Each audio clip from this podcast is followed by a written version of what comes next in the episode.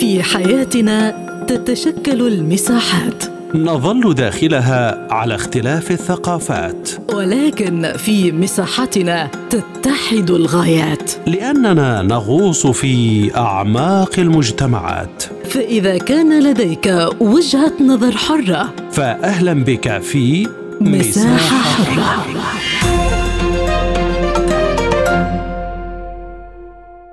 أهلا بكم مستمعي راديو سبوتنيك أينما كنتم وهذه حلقة جديدة في برنامج مساحة حرة معكم في هذه الحلقة خالد عبد الجبار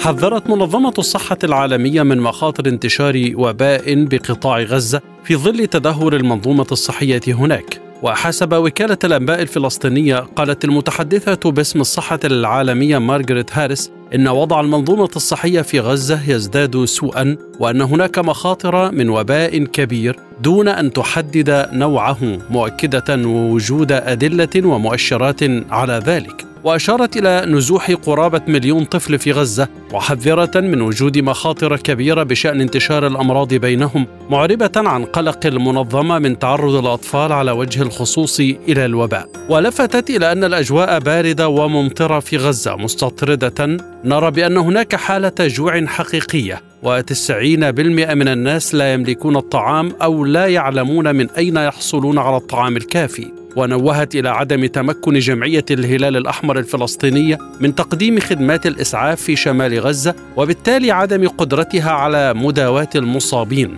وأفادت بأن ثمانية من أصل 36 مستشفى في غزة تقدم حاليا خدماتها بشكل جزئي.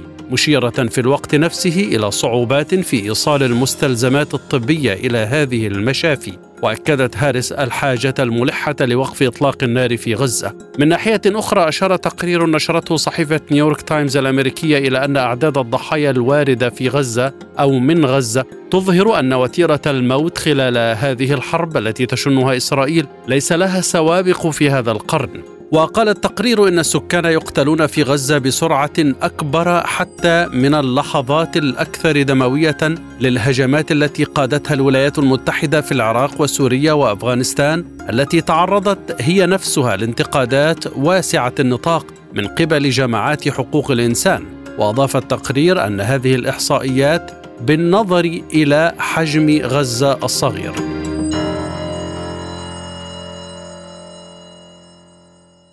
أرحب بضيوف هذه الحلقة من نابلس ينضم إلينا الدكتور عبد الجليل حنجل مسؤول الهلال الأحمر الفلسطيني ومن رام الله الدكتورة تمارا حداد الباحثة السياسية ومن القاهرة الدكتور أسامة شعث أستاذ العلوم السياسية. مرحبا بكم جميعا وأبدأ معك دكتور عبد الجليل وأسألك في البداية عن ما قالته متحدثة منظمة الصحة العالمية من أن هناك مخاوف من خطر وباء كبير دون أن تحدد هذا الوباء. ما مدى دقة هذا الكلام على الأرض؟ يعني جميع المعطيات الحاصلة على الأرض في قطاع غزة هي تنذر بذلك بالتأكيد عندما نتحدث عن قطاع غزة جنوب قطاع غزة نتحدث عن تكدس للنازحين بالآلاف في مناطق محددة مدارس أممية مستشفيات أو مباني سكنية في مناطق جنوب قطاع غزة أو في في الشوارع في الخيام أو منهم من لم يحالفه الحظ في الحصول على مكان آمن له هذا التكدس يؤدي إلى ضغط كبير جدا على المرافق الصحية بالتأكيد والتقارب الشديد للمواطنين خاصة في البرد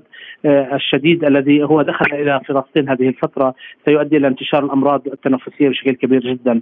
من جانب آخر عمليات التدمير الواسعة التي تحدث سواء بالقصف لمربعات سكنية بالكامل وكشف الخطوط التصريف الصحي هذا بحد ذاته أيضا ينذر بكارثة، أيضا وجود المطر والأمطار ومياه الأمطار و تسهيلها لعمليات اختلاط هذه المواد أو الصرف الصحي مع المياه الجوفية ومع مياه الشرب أيضا يؤدي إلى ذلك، أيضا التجويع والجوع ولا يوجد أمن غذائي، نحن نستلم حتى الآن بما معدل 100 شاحنة من معبر رفح البري وهو لا يكفي لا يكفي للغذاء وهذا بالتأكيد يؤثر على الفئات خاصة على الأطفال الصغار والكبار السن. أيضا التطعيمات هناك حسب بيان وزارة الصحة الفلسطينية توقفت 52 وحدة رعاية أولية من أصل 72 إذا لا يوجد هناك آه، التصاق في موضوع آه، البرنامج التطعيمي الذي هو مهم فبالتالي سيكون هناك انعكاسات آنية وانعكاسات خلال الأشهر والسنوات القادمة على أمراض لم تكن تظهر بسبب وجود التطعيم وستظهر بسبب عدم وجود هذا التطعيم لهؤلاء الفئات من الأطفال، كل ذلك يؤدي إلى انتشار الأوبئة والأمراض المختلفة وهذا يزيد الضغط على المستشفيات خاصة أن المستشفيات هي متكدسة بالإصابات المختلفة التي تصل بعد خروج عدد كبير جدا من المستشفيات حسب بيان وزارة الصحة والاعتماد على مستشفيات بكميات آه، وبأعداد قليلة جدا وبمهمات محدودة للغاية مع عدم وجود وقود ومستهلكات طبية بعدد كافي. يعني أنك تقصد أن هناك أوبئة غير معروفة قد تنتج عن هذا الوضع إذا استمر. نعم بالتأكيد. سواء في, في الوقت القريب أو في في المدى البعيد. لكن ماذا عن المستشفيات التي تعمل في قطاع غزة حتى الآن؟ هي ذكرت ثمانية من أصل 36 تعمل بشكل جزئي. يعني هناك الموضوع هو نسبي. هناك ثمان مستشفيات تعمل بصورة جزئية لكن بعض هذه المستشفيات هو محاصر بالكامل وهي تخرج من الخدمه وتعمل لمن هم بداخلها. بالمناسبة قبل قليل وصلنا خبر النقطة الطبية التابعة للهلال الاحمر الفلسطيني في شمال قطاع غزة تحديدا في جباليا. هي محاصرة الآن بالدبابات. يوجد لدينا 127 كادر طبي ومريض ونازح موجودين في تلك المنطقة. للأسف الخبر الآخر هو الانقطاع السادس بالكامل للاتصالات والإنترنت. الإنترنت مما أدى إلى انقطاع غرفة العمليات الخاصة بنا في قطاع غزة وانقطاعنا عن الكوادر الطبية والصحية وهذا ينذر بقلق شديد جدا حول آه، آلية العمل في قطاع غزة تحديدا كل شيء هو مبني على الاتصالات بالتأكيد خاصة في توزيع المساعدات وتنقلها وأيضا إيصال الصورة التي تحدث في آه، المستشفيات المختلفة بسبب العدوان المتكرر على كافة أنحاء قطاع غزة. دكتور حنجل ماذا عن حجم المساعدات المتاحة الآن في قطاع غزة؟ نحن نحن كهلال أحمر فلسطيني نستلم من معبر رفح البري، البارحة دخل 105 شاحنات. ودخلت 61 شاحنة من معبر كرم أبو سلم، نحن نستلم فقط من معبر رفح البري والوكالة هي تستلم من واحد من من معبر كرم أبو سلم، نحن هنا نتحدث عن تقديرات هي 10% فقط من الاحتياج، ما زال الاحتياج كبير للغاية، الوقود لا يدخل وإن دخل فهو بكميات قليلة جدا، في شمال قطاع غزة هي منقطعة بالكامل، لا وقود ولا مستهلكات طبية ولا مواد غذائية تدخل إلى شمال قطاع غزة. تقصد أنها توزع في الجنوب فقط وغير كافية طبعا.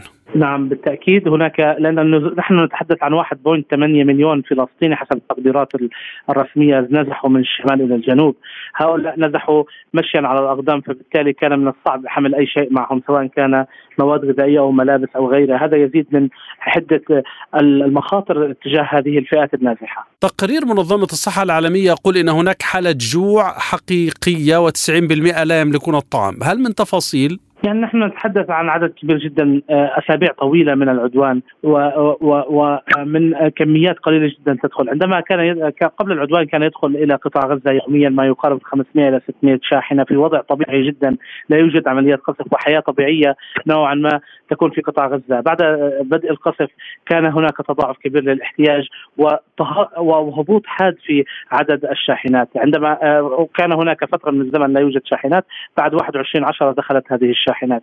فبالتالي هذه الشاحنات دخلت وتعطي تعطينا فقط آه، آه، القليل القليل من الحاجيات. عندما أتحدث عن 105 شاحنات بالمناسبة هي مقسمة على عدد كبير جدا من العناصر. أولها مستهلكات طبية أدوية طبية وأجهزة طبية للمستشفيات مواد غذائيه ومياه للشرب وأيضا ملابس ومواد للازحين فبالتالي عادة تشكل 45 ل 55% من هذه الشاحنات هي المواد الغذائية. فيتبقى ما ما بقي من ذلك موزع على جميع العناصر. فبالتالي في المجمل تكون آه، جميع العناصر التي تدخل في هذه الشحنات هي قليلة جدا في المقارنة. فبالتالي يكون هناك صعوبة بالغة في الوصول إلى الكثير من النازحين بهذه المواد.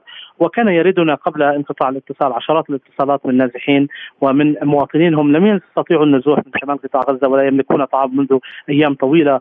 وهم آه، في حالة جوع لأيام آه، سواء كانوا أطفال أو كبار سن أو جميع الفئات الموجودة في منطقة شمال غزة تحديدا. أرقام وزارة الصحة دكتور عبد الجليل وزارة الصحة في غزة تقدر أن عدد المفقودين آه، تحت الأنقاض ممن يعتقد أنهم قتلوا 2700 ما الأثر المترتب على وجود هذه الجثث كل هذه المدة؟ يعني هناك العديد من الآثار آثار ديموغرافية، آثار بيئية كبيرة تترتب على هذا الموضوع وهو موضوع شائك لأن الموضوع الدفاع المدني تحديدا هم لا يملكون الآن كوادر استهدف عدد كبير من الكوادر أثناء عملهم. هناك 35 شهيد من الدفاع المدني.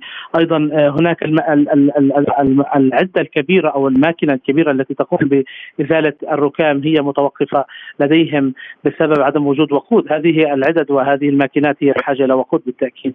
بالتالي الأمور هناك صعبة للغاية.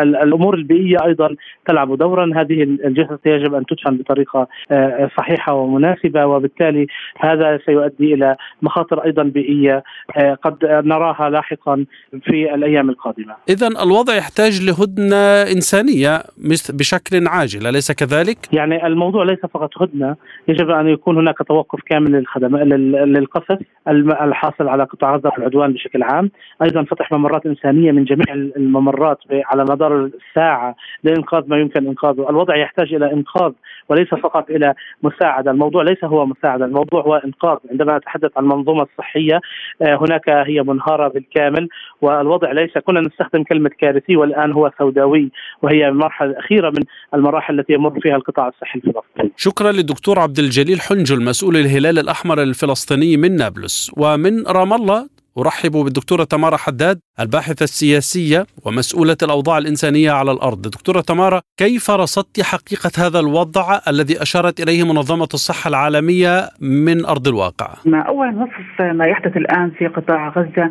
هو وصف يعني مؤلم ويعني بالفعل أن واقع قطاع غزة وصل إلى مرحلة منكوبة بكل المعايير. هناك تصفية للقطاع الصحي وبشكل متعمد وبشكل ممنهج على أرض الواقع حتى يلحق الضرر أكبر عدد ممكن من المدنيين والمواطنين الفلسطينيين من قبل الاحتلال الإسرائيلي. الاحتلال الإسرائيلي يستخدم أكثر من اداه ليس فقط الواقع العسكري التي تتعلق في واقع استخدام القصف الجوي، هناك أداة أكثر من ذلك وهي تعميق الأزمة الإنسانية، فيما يتعلق الواقع الصحي هناك عدم دخول الإمدادات الصحية أو الدواء أو الطعام، زاد الأمر في سياق هذا طين بلة في قطاع غزة وهذا يؤدي إلى استمرار واقع انتشار الآفات الاجتماعية وأيضا الأمراض المزمنة. وبالتحديد نحن قبالة فصل الشتاء لا يوجد هناك أي منطقة آمنة. نظرا لتهدم المنازل وهذا لإنقاذ الواقع الإنساني والواقع أيضا الغذائي والواقع الصحي. ناهيك هناك تصفيات بشكل ممنهجة حتى يرسخ في ذهنية المواطن الفلسطيني التهجير الطوعي. نظرا أن واقع التهجير القسري فشل في بادئ هذه المرحلة. نظرا هناك رفض من الدول العربية وبالتحديد جمهورية مصر المحادثة لقطاع غزة، لذلك تحول الآن لاستخدام أسلوب آخر وهي سياسة التجويع من قبل الاحتلال الإسرائيلي واستخدام سياسة تعميق الأزمة الإنسانية وعملية انزياحهم بشكل قسري من الشمال إلى الجنوب. والآن هم في المنطقة الجنوبية قرابة مليون و200 ألف مواطن في منطقه رفح. هؤلاء لا يوجد هناك طعام شراب أو حتى المسكن أو المأكل لا هي لا تتواجد بشكل اللائم لذلك الضحايا عددهم كبير جدا وفاق الضحايا التي يعني حدثت في الحروب الماضية السابقة. هذا إشارة أن ما يحدث الآن فاق الخطوط الحمراء بسبب أن الاحتلال الإسرائيلي ما زال متعنتا ويستهدف المدنيين عن طريق القصف العشوائي المتعمد في سياق قتل المدنيين وإلحاق الضرر بهم وتقليل عددهم سواء كان بالقتل أو الجرح كان الهدف الأساسي من المعركة بدايتها قتل مئة ألف مواطن فلسطيني لكن نتيجة يعني ابتعاد المواطنين أصبح الآن يعني حتى هذه اللحظة يعني هناك يعني قتل قرابة عشرون ألفا وأيضا هناك جرحى وهناك العديد من المرضى بحاجة إلى علاج فوري. لكن حتى هذه اللحظة واقع ما يحدث الآن في قطاع غزة. بالفعل وصل إلى المرحلة الخطوط الحمراء وفاق الخطوط الحمراء. هذا إشارة أن بحاجة إلى ضغط. إذا كان هناك تم تقديم المشروع الإماراتي اليوم الذي تأجل ليومين متتاليين بعملية إدخال المساعدات الإنسانية ووقف الأعمال العدائية. لكن نأمل أن لا يتم وضع حق النقض الفيتو الأمريكي الذي دائما يتم وضعه من أجل إنقاذ إسرائيل عما تقوم به رغم أن ما تقوم به إسرائيل بواقع المدنيين ألحق الواقع تغيير الرأي العالمي الدولي والخارجي. يعني بشكل سلبي على الواقع الإسرائيلي وأيضا الشريك الأساسي وهي الولايات المتحدة الأمريكية التي هي أساس العدوان على قطاع غزة وان تدير هذا العدوان على قطاع غزة، لذلك واقع المدنيين الآن يعني مؤسف يعني آه وطبعا يعيشون في يعني حالة صعبة جدا. يعني لا يستطيع أي آدمي أو أي إنسان بشري نظرا أن 98% يعانون من الجوع. يعني هناك أطفال ونساء ورجال لا يستطيعون يعني أن يأكلوا بشكل الملائم كالواقع الطبيعي. سياسه التجويع ما زالت موجودة وهي تنجح من أجل إلحاق الضرر والموت. البطيء بحق المدنيين الفلسطينيين. اتصالا بهذه النقطة دكتورة تمارا منظمة الصحة قالت أن هناك حاجة حالة جوع حقيقية كيف يتغلب أهل غزة على هذا الوضع المزري؟ للأسف أهل غزة حتى هذه اللحظة لم يستطيعوا أن يتغلبوا يعني هناك صحيح مساعدة بين جميع الأفراد في آه، أهل قطاع غزة من المسؤولية المجتمعية بمعنى أن الجار الذي يملك نوعا ما من الطعام إذا توفر حتى هذه اللحظة يساعد الجار الآخر وأيضا النازح الذي يتواجد عند الأفراد الآخرين. لكن هناك بعض المواطنين يأكلون الثمار الغير ناضجة التي متواجدة في بعض الأشجار يأكلون الورق يأكلون يعني يخبزون الخبز على على الطين وليس على الغاز أو الوقود، هناك بعض المعلبات التي حتى ان انتهت مدة الاستهلاك لدى هذه المعلبات أيضا يستخدمونها، لا يوجد هناك أي نوع من الامل حتى هذه اللحظة بسد رمق جوعهم، مهما كانت هناك المساعدات فيما بينهم حتى على مستوى المساعدات التي تدخل من معبر رفح، يعني هذه المساعدات لا تكفي ولا تفي بالغرض.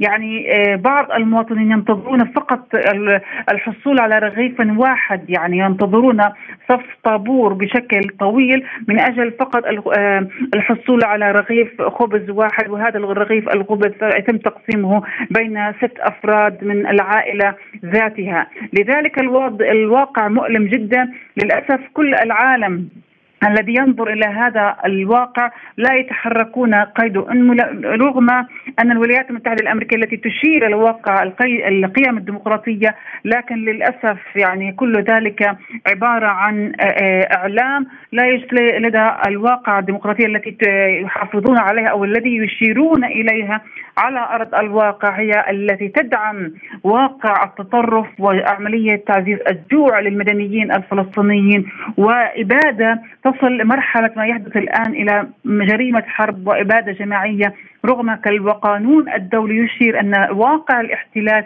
هو عليه أن يقدم الطعام والشراب لكن للأسف هي إسرائيل فوق القانون نظرا أن الولايات المتحدة الأمريكية تدعمها وتعطي الضوء الأخضر لاستمرار هذه الجرائم التي تحدث في آه، قطاع غزة. هناك تقارير صحفية آه، نشرتها صحف أمريكية تقول إن حالة الموت ووتيرته في غزة آه، خلال الحرب ليس لها سوابق في هذا القرن وتفوق حالات حدثت في سوريا والعراق وأفغانستان. كيف تعلقين؟ نعم هذا صحيح اولا آه، منطقة قطاع غزة 365 كيلو متر منطقة صغيرة جدا ويتواجد فيها مليونين و300 ألف مواطن فلسطيني عندما يحدث قرابة شهرين ونصف عدد من الجرحى يفوق ال 55 ألف مواطن وعدد القتلى يصل إلى أكثر من 20 ألف هذه جريمة هذه جريمة يعني بمختلف المعايير آه، التي تبيد الواقع الإنساني. فهي لم تحدث في واقع أوكرانيا. يعني أوكرانيا منطقة أكبر يعني ويستخدمون الأدوات الأكثر تطورا ويعني تواجد فيها كان النظام التعليمي والنظام الصحي متوافر بشكل مستمر رغم الحرب. لكن في واقع قطاع غزة هناك تصفية للمستشفيات تصفية للتعليم تصفية للواقع المعيشي تصفية لمقومات الحياة. طبعا كل ذلك يأتي بشكل ممنهج لأن الاحتلال الإسرائيلي بمعنى بتحقيق التهجير الطوعي. يعني هناك هدف ضمني لم يتم الإشارة إليه في أهدافه التي أعلن عليها عليها منذ السابع من أكتوبر وهي القضاء على حركة حماس وأيضا تدمير الأنفاق العسكرية. لكن على أرض الواقع حتى هذه اللحظة لا توجد هذه الأهداف المحققة. هم فقط يعني يحققون واقع قتل المدنيين وعملية انزياحهم حتى يتم فرض أمر واقع للتهجير. إذا كان هناك استمرارية لهذه الحرب على قطاع غزة هذا سوف يكون فرض أمر واقع بانتقال المدنيين من منطقة رفح إلى المنطقة الحدودية. هذا ما يريدونه على أرض الواقع إذا كان هناك بالفعل استمرارية لإطلاق النار، إن عمل إن كان هناك هدن إنسانية وأعتقد أن هذه الهدن الإنسانية مؤقتة وإن تم دخول المساعدة هي لا تفي في الغرض ولا تكفي في الغرض نظرا أن هذه الهدنة الإنسانية هي تعتبر تحايل على الواقع الأساسي وهو الوصول إلى تسويه سياسية ووقف إطلاق النار بشكل شامل حتى يتم يعني إعادة واقع المدنيين إلى أماكن سكنهم. حتى لو تم إعادتهم فلا يوجد البناء والمنزل الذي كان يتواجدون فيه. نظرا لتهديمه هناك قرابه 70% من الأبنية والمنازل يعني تهدمت على أرض الواقع في قطاع غزة، مقومات الحياة بالفعل هي انتهت في قطاع غزة،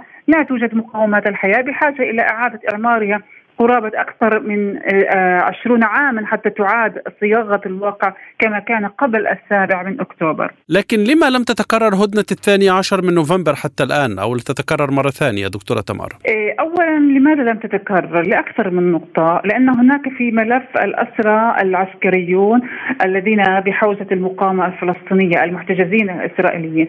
وهؤلاء المحتجزين الإسرائيليين الذين لهم علاقة بالواقع العسكري المقاومة الفلسطينية تريد أثمانا غالية. بمعنى الثمن الغالي التي تريده أهم شرط وهو وقف إطلاق النار. أهم نقطة بالنسبة للمقاومة الفلسطينية. الآن وقف إطلاق النار قبل الحديث عن أي نوع من آه، وجود آلية التوافق على من سوف يخرج من المحتجزين ومن سوف يقابلهم من تبادل الأسرى من الأسرى الفلسطينيون الذين آه، متواجدون في المعتقلات الإسرائيلية. النقطة الأخرى أن إسرائيل حتى هذه اللحظة لا تريد وقف إطلاق النار بشكل شامل. هي تريد هدنة إنسانية لتخفيف الضغط الشارع الإسرائيلي من أهالي الأسرى الإسرائيليون على نتنياهو. نتنياهو معني بتخفيف الضغط عليه لأنه يعلم تماما أن أصبح هناك ضغط حقيقيا ويطالبون بعملية انتخابات مبكرة بالتحديد من المعارضة الإسرائيلية من الشارع الإسرائيلي. بدأ الآن يطالبون بتنحي لفشله في إدارة الحرب على قطاع غزة سواء كان على المستوى الأمني أو العسكري أو السياسي. آه لم يستطع حتى هذه اللحظة إخراج الرهائن. بطريقتها التي أشار إليها بخيار الحرب.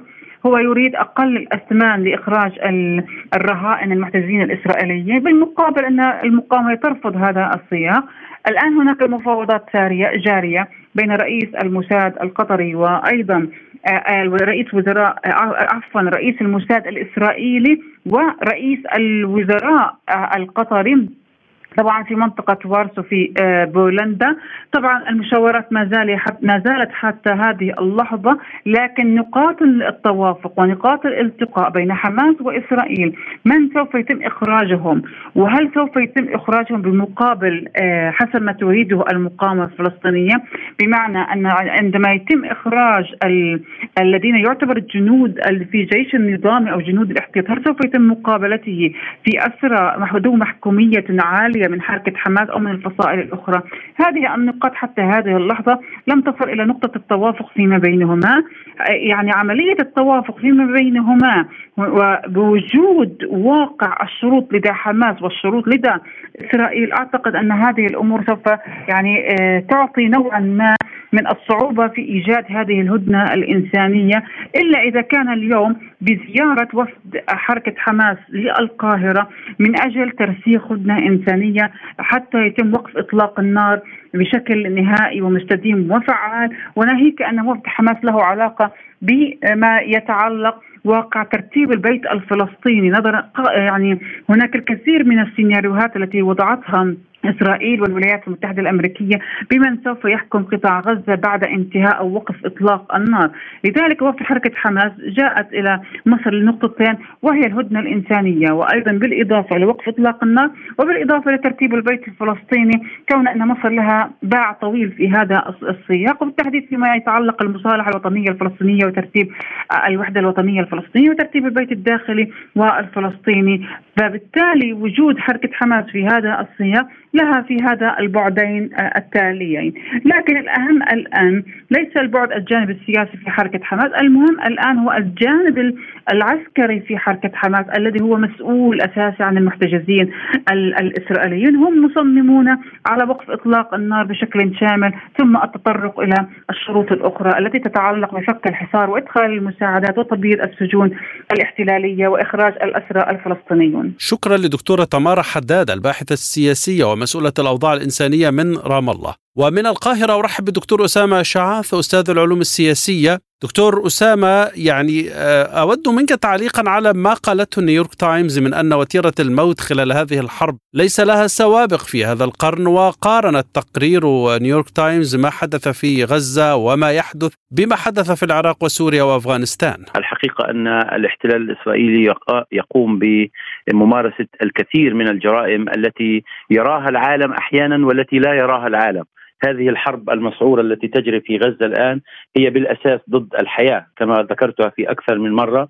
هي ضد الحياة الفلسطينية، ضد الوجود السياسي والإنساني الفلسطيني، ليس الوجود السياسي كما ذكرنا قبل ذلك إنما الوجود الإنساني المقصود فيها تدمير الطفل، المرأة، المؤسسات، الحياة المدنية، المدارس، المستشفيات، الجامعات، كل مناحي الحياة، أضف إلى ذلك القتل عن عمد بشكل آه، واضح ومتعمد وعن سبق إصرار لتدمير أكبر قدر ممكن من الحياة من خلال قتل الوجود الإنساني عبر قتل الأطفال المدنيين النساء. آه، التقارير التي تؤكد ذلك أن الولايات المتحدة صدمت حتى الولايات المتحدة الأمريكية صدمت من آه، استخدام الاحتلال الإسرائيلي لقنابل ليست ذكية والقذائف التي يتم إطلاقها والتي تسمى القذائف الغبية البالم والتي أطلقت بشكل عشوائي وكان بقدرة الاحتلال الإسرائيلي كما يعني قالته إحدى يعني يعني متحدثين البنتاغون والولايات المتحدة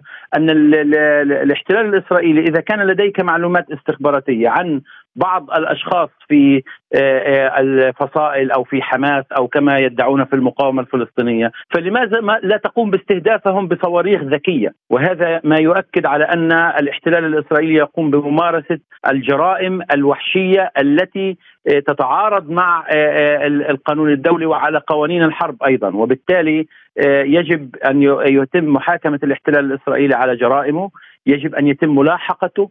وجروا إلى محكمة الجنايات الدولية باعتبار أن دولة فلسطين عضوا كامل العضوية في محكمة الجنايات الدولية ومن حقها أن تطالب المحكمة الجنايه الدولية والمدعي العام للجنايه الدولية بضرورة التحقيق مع نتنياهو واستدعائه إلى يعني إلى المحكمة الجنائيه الدولية باعتباره مجرم حرب لأنه يمارس عملية تطهير عرقي أولا وهي الإبادة الجماعية التي نشهدها في الشعب الفلسطيني. هناك أكثر من عشرين ألف شهيد وكل شهيد وكل طفل فلسطيني له قصة وحكاية ورواية وجريمة جرت فيه بشكل يندى له الجبين. آه، المستشفيات التي تم تدميرها هي مخالفة صريحة لكل القوانين الدولية وتحديدا اتفاقيات جنيف الرابعة تحديدا والتي تنص بشكل صريح عدم التعرض للمدنيين، عدم التعرض للمستشفيات، السماح للسيارات الإسعاف بالتنقل ونقل الجرحى والمصابين، السماح لسيارات الإنسانية والمساعدات الإنسانية للمرور وهي ممرات آمنة التي يتم فتحها من حين لآخر في كل الحروب الدولية. والحروب الإنسانية سواء في أوكرانيا أو غير أوكرانيا أو في فلسطين أو غيرها، يجب أن يكون هناك ايصال للمدنيين آه، من هذه المساعدات الإنسانية وحتى الطبية وحتى ال ال ال يعني الإسعافات الأولية التي يتم آه، آه، يعني يتم نقلها للمصابين بالشكل السريع ومن خلال الإسعافات. الآن الاحتلال الإسرائيلي استهدف ليس المدنيين فحسب إنما استهدف أيضا سيارات الإسعاف. استهدف المصورين والصحفيين ووصل عدد الشهداء من الصحفيين أكثر من ما تم استهدافهم في حرب أوكرانيا. وحتى إحدى التقارير تقول أكثر أكثر من الذين استشهدوا أو الذين قتلوا في آه، الحرب العالمية الثانية باستهداف المباشر للصحفيين والإعلاميين والكتاب بشكل عام، نحن نتحدث عن عن كارثة مروعة، نكبة جديدة تحل على الشعب الفلسطيني لن يعني تتكرر. خلال المائة عام لم تتكرر مسبقا وربما لن تتكرر آه، يعني في السنوات القادمة أو لن نراها في العديد من بلدان العالم لأن العالم بشكل آه، أو بآخر العالم لم يسمح لأي دولة في العالم ارتكاب هذه المذابح والفظائع في شعب مدني أعزل في منطقة ضيقة وفي مكان ضيق آه، بهذه المساحة الصغيرة. ارتكاب وقذف عليه قنابل فسفورية وقنابل حارقة واسلحه يعني محرمة دوليا نعم. والعالم يتفرج إلا في حالة الاحتلال الإسرائيلي، لذلك هي كارثة بكل المعاني. شكرا للدكتور أسامة شعث أستاذ العلوم السياسية من القاهرة، وشكرا لكم مستمعي الكرام، للمزيد زوروا سبوتنيك dot ae.